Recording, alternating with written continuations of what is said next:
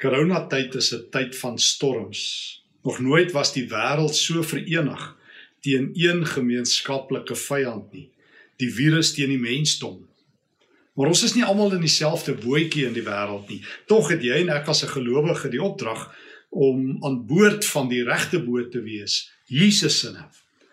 Dit is nie nou 'n tyd vir waterloop nie. Dit is nou 'n tyd om te kyk waar is Jesus aan boord en om dan daar te wees, daar waar hy is. En van bootstories gepraat. Daar is een storie wat ons almal baie baie goed ken, 'n bootstorie. Ek praat van die storie van Jona. Ongelukkig het Jona meer bekend geword vir die feit dat daar 'n groot vis is wat hom ingesluk het as vir die God van Jona. Dis nogal jammer, want dit is 'n aangrypende verhaal oor God en sy omgesukkelde profeet. Ja, ek moet sê, Ek moet nou bely, ek hou nie baie van Jona nie. O wag, wag, wag, moenie my verkeerd hoor nie. Die God van Jona gryp my hart. Jona, ek kry 'n bietjie skaam. En ek het al agtergekom so nou en dan as uh, as ek so vasloop in 'n Bybelfiguur wat wat my so bietjie ongemaklik laat, dan is dit miskien net omdat ek te veel van myself in hom sien.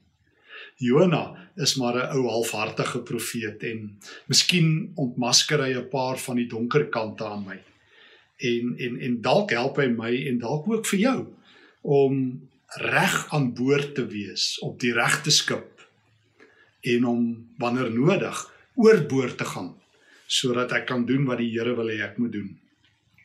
Jona, uh, so lees ons in Jona 1 vers uh, 1 en 2, het die woord van die Here gehoor en en en toe moes hy klaarmaak om na na die groot stad Ninive toe te gaan. Ons almal ken daardie storie hoe hy dan op die skip moes gaan. Maar dan maak hy klaar, dis so hartseer. God sê vir hom Jona, maak klaar. En dan maak Jona klaar en dan klink dit nie asof hy die pad vat soos die Here vir hom sê nie, maar dan vat hy die pad en dan gaan hy na Tarsis toe in Hebreëus, Tarsis. En hy vlug weg van die Here af. En dit staan ook daar, weg van die Here af. God soek Jona op 'n vinnige boot na Ninive toe. God se mense. God se mense oor wie God se hart uh, stikkend is, is in Ninive in hierdie oomblikke. En Jona se hart is in Tarshish, miskien daar by sy vakansievilla of wat ook al, weg van die Here af. En dan is hy op 'n boot weg van die Here af. Dit word twee keer gesê in Jona 1 en 2. Bid jy dit aan? Die profeet. God soek Jona in die storm en Jona soek 'n veilige hawe en 'n veilige nuwe bestemming. En dan terwyl Jona aan boord is, stuur God 'n storm. Ons ken die verhaal daarvan af Jona 1 vers 4 en verder. Jona doen dan 'n vreemde ding. Terwyl die bemanning die skip probeer red, terwyl hulle vrag oorboord gooi, lees ek uh, in Jona 1 vers 4 Jona toe onder in die skip gaan lê om te slaap. Nou uh, hoe hy dit reg gekry het, weet geen mens om in so 'n storm te slaap nie. Maar Jona slaap God stil as te ware. Hy probeer minstens. Hy blok die krisis uit. Uiteindelik moet die kaptein hom wakker maak. Ek lees in Jona 1 vers 6. Wat is dit met jou dat jy lê en slaap? Staan op. Bid tot jou God, miskien sal die ons kan help. Hm. Hm wanneer 'n nie Christen, wanneer 'n heiden jou moet wakker maak en vir jou sê bid, dan is jy in groter moeilikheid as wat jy gedink het. Wanneer die wêreld in coronatyd na die kerk kyk en sê kerk, slaap julle? Is julle wakker? Dan is ons dalk in groot moeilikheid. Ek onthou toe ek so jong ouetjie was, was daar naby ons kerk so 'n bordjie, stilte kerk. En nou die dag ry ek weer daar verby en jou werklik waar daai bordjie is nog steeds daar en ek neem hom af. En uh ek het nog altyd gewonder of dit nie vandag eerder iets anders beteken nie. In die ou dae dit beteken bly asseblief stil, hier is godsdienstige mense. Ek weet nie of hulle bang was um, ons sal die mense wakker maak en hulle slaap terwyl ou Dominee gepreek het nie, maar dit is 'n ander storie. Maar dalk hoor die wêreld vandag iets anders. Stilte kerk kerk bly stil, jy het julle kans gehad. Jona, jy probeer God stil slaap. En die wêreld sê ons wil God hoor. Vertel ons van julle God hier in die krisis. Help ons, wie weet, dalk is julle God die ware God. En uiteindelik lees ek in Jona 1, trek die ouens loetjies en die lot val op Jona. Hulle sê Jona, hey, wat het jy aangevang? Jona 1 vers 9. Nou antwoord hy. Hier kom sy getuienis. Hou jou hart vas. Ek is 'n Hebreër. Ek is 'n volksman. Ek is ek is 'n man wat staan vir my mense. En dan eers sê hy, ek dien die Here, die God wat hemel en aarde en die see en die vasteland gemaak het. You've got to be joking. So die ouens van hom sê, jy dien God. Nee nee, jy vlug. Nee nee, jy slaap. Want hulle toe nou gehoor die manne het gehoor hy vlug van die Here af. Hulle sê nou, wat 'n getuienis is dit? God sien jou rug eerste.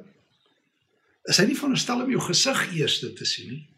Is jy nie veronderstel om in hierdie um in hierdie stormtyd aan boord van God se skip te wees, besig met 'n reddingsboei, besig om mense te red nie. Nou kruip jy weg en hoop net jy kan 'n hawe bereik, dat dinge weer na normaal toe kan terugkeer. Ons het nog baie debatte nou in die kerk aan die gang hieroor.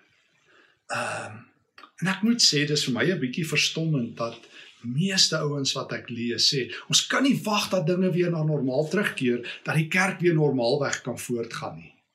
Hy ouens het ons vergeet. Ons is in 'n storm. En die storm gaan nie ophou as corona verby is nie. As ons dink die kerk is hierdie skipie in hierdie veilige hawe wat mense veilig moet hou teen die storm. Jesus is 'n stormloper. Onthou jy? Hy loop in die storm rond. En totdat die Here Jesus terugkom, is hierdie wêreld in 'n storm. O verseker is die beste plek vir 'n skip 'n hawe.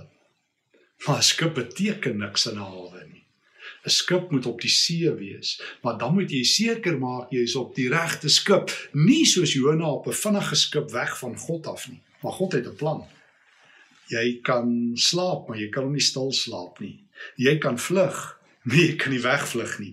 Jy kan wegkruip, maar God kry jou wegkruipplek en hy kom haal jou daar uit. En dan uiteindelik eh, as die see al onstuimig geraak, dan doen Jona daarom een ding, hy sê gooi my oorboord, dan sal God julle red. Die ouens wil nie. Jona hou aan. En uiteindelik bid hulle vers 14 van Jona 1. Stop gou. Jona is op die verkeerde skip. Hy's op 'n vlugskip nie op 'n reddingsskip nie. Hy is op 'n selfsugtige me and myself and I skip. Dis nou elkeen vir homself skip. Dis nou 'n um, 'n uh, 'n wegkruipskip. Maar selfs op die verkeerde skip is God. Kan ek dit weer sê? God is op alle skepe. Jy kan nie van God af weghardloop nie. Hy's vinniger as jy. Jy kan nie in die donkerste donker gaan wegkruip nie. Hy is die lig. Jy kan nie maak asof jy God uit jou lewe uit kan blok en dan dink jy hy is uit nie. Iemand sê nou die dag vir my, hy is ver van God af. Ek sê, hoe bedoel jy ver van God af? Dis miskien wat jy voel, maar God is op jou hakke. Jy draai jou rug vir hom en dan hardloop jy alweer in hom vas. Want God is reg rondom jou. Ook op die skip, die verkeerde skip is God. Ook Jonas se gemors neem God in sy diens vir die eerste keer bid die die matrose ag Here moet ons tog nie laat vergaan oor hierdie man nie. U Here doen wat u wil. Dan gooi hulle Jona oorboord die storm bedaar en dan bring hulle vir die Here Jona 1 vers 16 geloftes. Hm. God gebruik mense as jy op die verkeerde boot is ten spyte van jouself. Stop laat ek dit gou weer sê. Ekskuus kan ek gou weer sê. God gebruik mense as jy op die verkeerde boot is ten spyte van jouself. Jy moenie dink God hou op werk wanneer ons ophou werk vir hom nie. Jy moenie dink God hou op om sy planne uit te voer wanneer jy en ek afdiens is nie. Hoe ek het lankal in my lewe besef, ek werk nie vir die Here nie, want ek het so groot geword. Ek meen toe ek 'n predikant geword het en later daarvan 1990 af toe ek uh, predikante as dosent daar by die teologiese fakulteit moes oplei, het ek altyd hierdie ding gehad ons werk vir die Here. En op 'n dag tref dit my. Maar ek werk nie vir die Here nie. Hy het nie 'n dienskontrak vir my en dan werk ek en dan gee ek hy vir my sekere ure nie.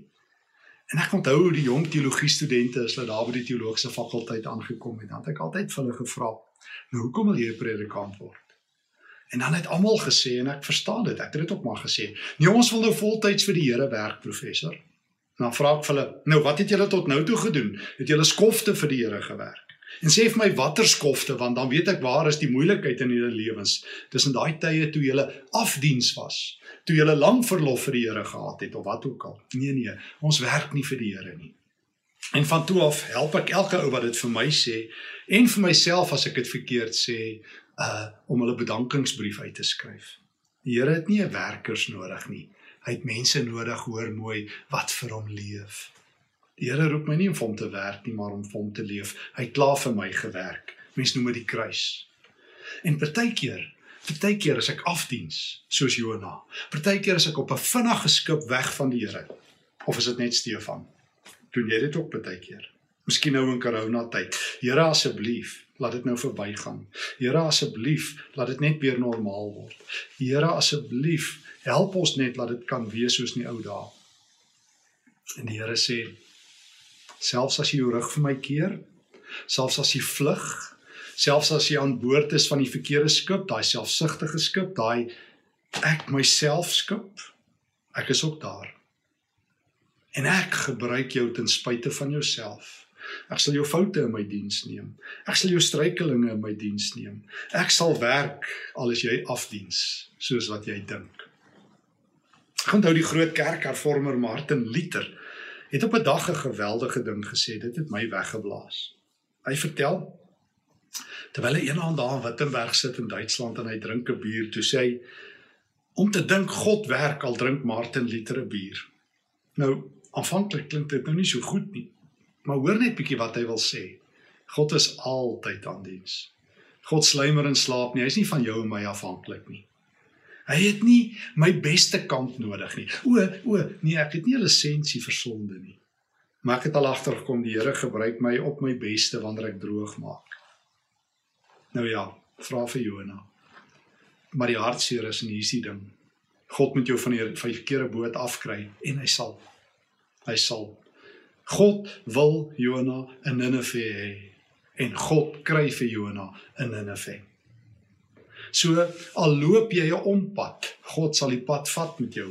Al dwaal jy af, hy sal 'n een man soek geselskap stuur van die goeie herder, die spoorsnyer, die een wat in die donker lig is die een wat op afdwaalpaaie en afdraaipaaie jou naam en adres het. O Jona, jy moenie dink God is verleë nie. In Jona 2 hoor ons van uh, hoe God die die walvis stuur of die vis stuur, Jona ins uh, uitspoeg. Hm, wat 'n spoeg, hy land op die land. En dan kom die woord van die Here, Jona 3. As Jona land tref, 'n tweede keer. Maak klaar. Net soos in hoofstuk 1 maak klaar, gaan na die groot stad Ninive toe en gaan preek. En toe maak Jona klaar en toe gaan hy. En nou sou hy gedink het, hm, nou gaan hierdie man preek, laat die bisie spewe. Geniks daarvan nie. Hy preek 'n massiewe vrot preek.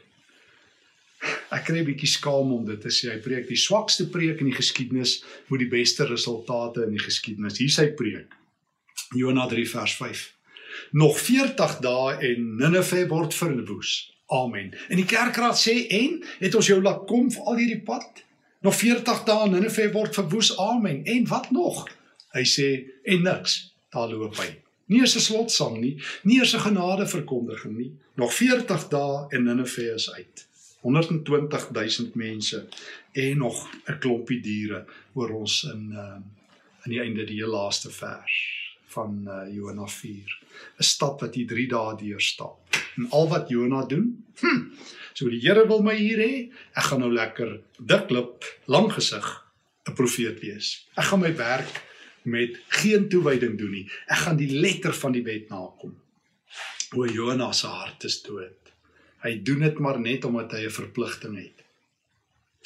Ek het groot geword met die Engelse woord duty, plig it's your duty dis jou plig teenoor die land teenoor die regering daar was nie 'n instelling nie of ons was bepligtig een van my ou vriende sê ons was pluggies ons het gespring Die skool, die kerk, die kultuur, jy noem dit en ons het ons pligte nagekom. Wel Jonah kom sy plig na. Maar hy kom nie God se hart na nie.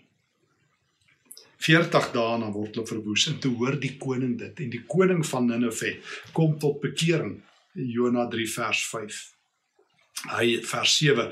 Hy het 'n uh, vasdag uitgeroep en geproklaameer. En vers 8 dat mense in die rou klere moet aan hê en ernstig tot God moet roep. Miskien vers 9 sal God van plan verander. Die koning ken God se hart beter, net soos die matrose op die skip as die profeet. Miskien sal God van plan verander en afsien van sy 40 days. Nee, hier is nie 40 dae na die eindeksamen nie. Dis 40 dae na verwoesting. Miskien blaas God die vure dood as ons ons harte voor hom stroop en tot bekering kom. En toe, die mooiste vers in Jona, Jona 3 vers 10, toe God sien wat hulle doen en hoe hulle bekeer van hulle verkeerde dade, het hy afgesien van die ramp wat hy gesê het hy oor hulle sal stuur. Hy het dit toe nie gedoen nie. Toe blaas God die vuure dood. O God is nie soos die Griekse mitologiese god Zeus of soos wat die Romeine hom genoem het nie. Jupiter is hy genoem in die um, in die ou Griekse tekste. Jupiter het sy planne gemaak en dan se wedstryd, game set and match. Jupiter het sy streepies getrek en dan was jy 'n slagoffer. Wat moet gebeur sal gebeur. As jou streepie getrek is, is hy getrek. Hm, dit is Griekse mitologie op sy beste. Dit is die drie godinne, die Moirai wat ehm um, Zeus geskep het. Cloto, Lachesis en Atropos was hierdie drie godinne. Die eerste een het jou lewe geweef, die tweede een het dit gemeet met 'n uh, meetband en die derde een het hulle net 'n sker gehad. Dan knip sy jou lewe. En ons gedog dit kom uit die Bybel. Dis pure Griekse mitologie as jou streepie getrek is. Dit is noodlot, fatus wat die wêreld aanbid. Die ware God se hart bepaal hoe lyk sy planne. O God het planne. Man Jeremia 18, as hy hom daar na die pottebakker toe stuur, dan sê die Here, ek is nog besig om 'n plan te maak. En as julle julle bekeer, sal ek afsien van my planne. En hier doen God dit. God se planne belyn met wie hy is. Ja, God is wie hy is maar hy's nie Zeus nie. Hy sê nie, hm. Jammer, ek het nou maar besluit julle sal doodgaan oor 40 dae. Julle kan nou maar bid, dit help nie. Die skrif is klaar geskrywe. Ons het die draaiboek klaar in die hemel geskrywe. Julle is maar net die die resultaat daarvan. Baie mense dink oor God so. Moenie dink reg oor God. Ken die God van Jonah die God van genade, die God wat vure doodplaas, die God wat jou afboord van die verkeerde skip kry en jou aanboord kry in Ninive. En dan kom die stad tot bekering. Jy sou dink Jonas blyf. Hoofstuk 4 vers 1. Hieroor was Jonas baie ontevrede en hy het baie kwaad geword. Twee brutale emosies. Here, Ek het geweet, sê hy in 4 vers 2, daarom het ek na Tarsus toe gevlug. Ek het geweet U is 'n genadige en jammerhartige God, lankmoedig en vol liefde. U sien maklik af van die straf. Laat ek dan maar sterf, Here. Dit is beter om te sterf as om te lewe. Hierdie is van die skokkendste woorde in die hele Bybel. Die profeet blameer God want hy soek 'n afgod. Hy soek 'n God wat hart en meedoenloos en verbitterd en kwaai is. Ek soek nie die God van die Bybel nie, sê Jonah. Ek het geweet u gaan die woord verbreek. Laat ek sterf. Here, laat ek sterf. Ek soek nie 'n God wat genade het vir hierdie klomp uitvaagsels. Kyk net hoe lyk dit hier in Ninive. Hulle syp, hulle horeer, hulle is misdadigers. Kyk hoe lyk hulle lewens. Dis soos Sjoe, tannie een keer vir my gesê het, "Ai, as die as die mense in Suid-Afrika net wil verander en soos ons word, dan sal ons ook van hulle hou." Jesus hou nog altyd van die verkeerde mense. Hy kom soek sy sy volgelinge op die ashope van die lewe. Hy kom soek sy mense in Ninive in die donker. Hy kom soek sy mense agter die doodlyn. Onthou jy daai vrou van van Johannes 7 en begin Johannes 8? Wanneer die godsdienstiges die rooi kaart uithaal, dan is Jesus op die speelveld. En ook in Ninive. God, ek het geweet U is so en ek kan dit nie vat nie. En ek beleef dit baie keer as ek genade preek, Dit is nie 'n tweede of 'n derde genade preek nie. Die ouens staan tou vir my te kom sê, "Ja, maar wat van God se oordeel? Ja, maar maar maar, maar ons preek deesdae te, te veel genade. Ons is te sag op sonde." O, vet, maar laat jy 'n paar sonde preke preek en kom staan hulle tou en sê, "Dis reg steel van sê vir hulle. Vertel vir hulle." Hm, maar dis gewoonlik altyd hulle. Soos die ouens op Facebook wat sê die kerk moet bykom, dis gewoonlik nie ek nie, dis altyd hulle. Ek kyk hier van die hoogte af. O, ons hou nie van 'n genadige God nie.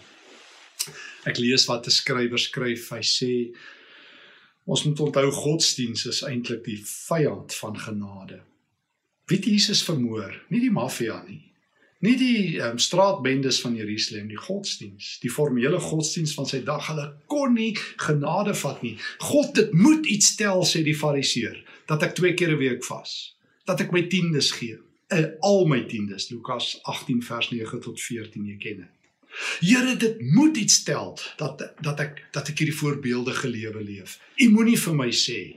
U moet my nie so beledig dat my lewe uh nie punte tel by u nie. Here, u kan nie vir my sê alles is genade nie. Ek moet 'n stukkie bydra. Ek moet 'n genade loon hê. Ek moet ietsie bydra. U kan nie die ouens wat 5 uur die middag vir u begin werk dieselfde hanteer as ouens wat al van vroegdag af vir u werk nie. Onthou jy Matteus 20? Dis Jonas se probleem. God, ek wil nie so 'n genadige God soos u hê nie. Laat my sterf. Hm, soos wat baie kerke sterf wat 'n genadeloose teologie het. Jonas toe uit die stad uit. Want die Here vra vir Jonas vers 4, het jy rede om so kwaad te word? Hy is so diklip lank gesig. Hy antwoord nie eers nie. Hy storm uit die stad uit. Hy gooi 'n tantrum. Daar gaan hy. En toe gaan sit hy oos van die stad en hy bou vir hom 'n skuilings en hy wag. Hoekom? Hy dryg God af. Hy sê Here, ek gaan sterf of die stad gaan sterf, kies. Dis of die profeet of Ninive. Ek wil vuur sien. Lukas 9, onthou jy? Twee disippels van Jesus, Johannes en Jakobus daar vers was dit vers 51 tot 57 as die ehm um, Samaritaanse dorp Jesus nie ontvang nie. Ehm um, dan sê hulle these are the days of Elijah. Laat dit vuur reën soos wat Elia gedoen het in 2 Konings 1 in daai einste Samaria. Laat dit vuur reën. Straf hulle, Here. Jona, Here, dis u of ek. Hm. Maar hoor wat doen die genadige God? Hy gee nie net om vir Ninive nie. Hy gee ook om vir sy genadeloose afboord profeet wat nou 'n swak teologie het. Vers 6: Toe het God 'n komkommerplant oor Jona laat rank om hom van sy misnoë, sy by te bevry. Jona was baie bly die eerste keer ooit. Die volgende oggend is daar toe 'n wurm wat God stuur en daar gaan die plant dood vers 8 en toe kom maar 'n wind en dit het Jona op sy kop gebrand lees ek vers 8 en hier kom sy tweede doodswens sy tweede doodswens. Hy het gesê dit is vir my beter om te sterwe as om te lewe.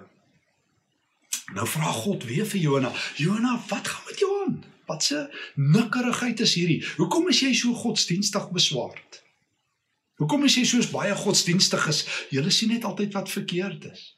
Julle wil net altyd straf en oordeel. Julle is net, julle is net altyd diep bekommerd oor hoe die wêreld uitmekaar val sien jy nie my genade nie sien jy nie dat ek 'n God van redding is nie juig jy nie dat mense wat verlore is gevind is nie hoor hoe sing die engele in die hemel Lukas 15 oor elke verlore seun wat terug is oor elke verlore muntstuk wat gevind is oor elke skapie wat teruggedra is en alwaaroor jy besorgd is is oor straf en oor al die droogmakers En dan sê Jona, ek het genoeg rede. Here, ek is kwaad genoeg. U moet nie met my sukkel nie, Here. Nadat God vir hom die hoeveelste keer vra, die tweede keer, Jona, kyk na my hart. Here, ek is besig om te sterf. Nou draai die Here na hom toe in vers 10.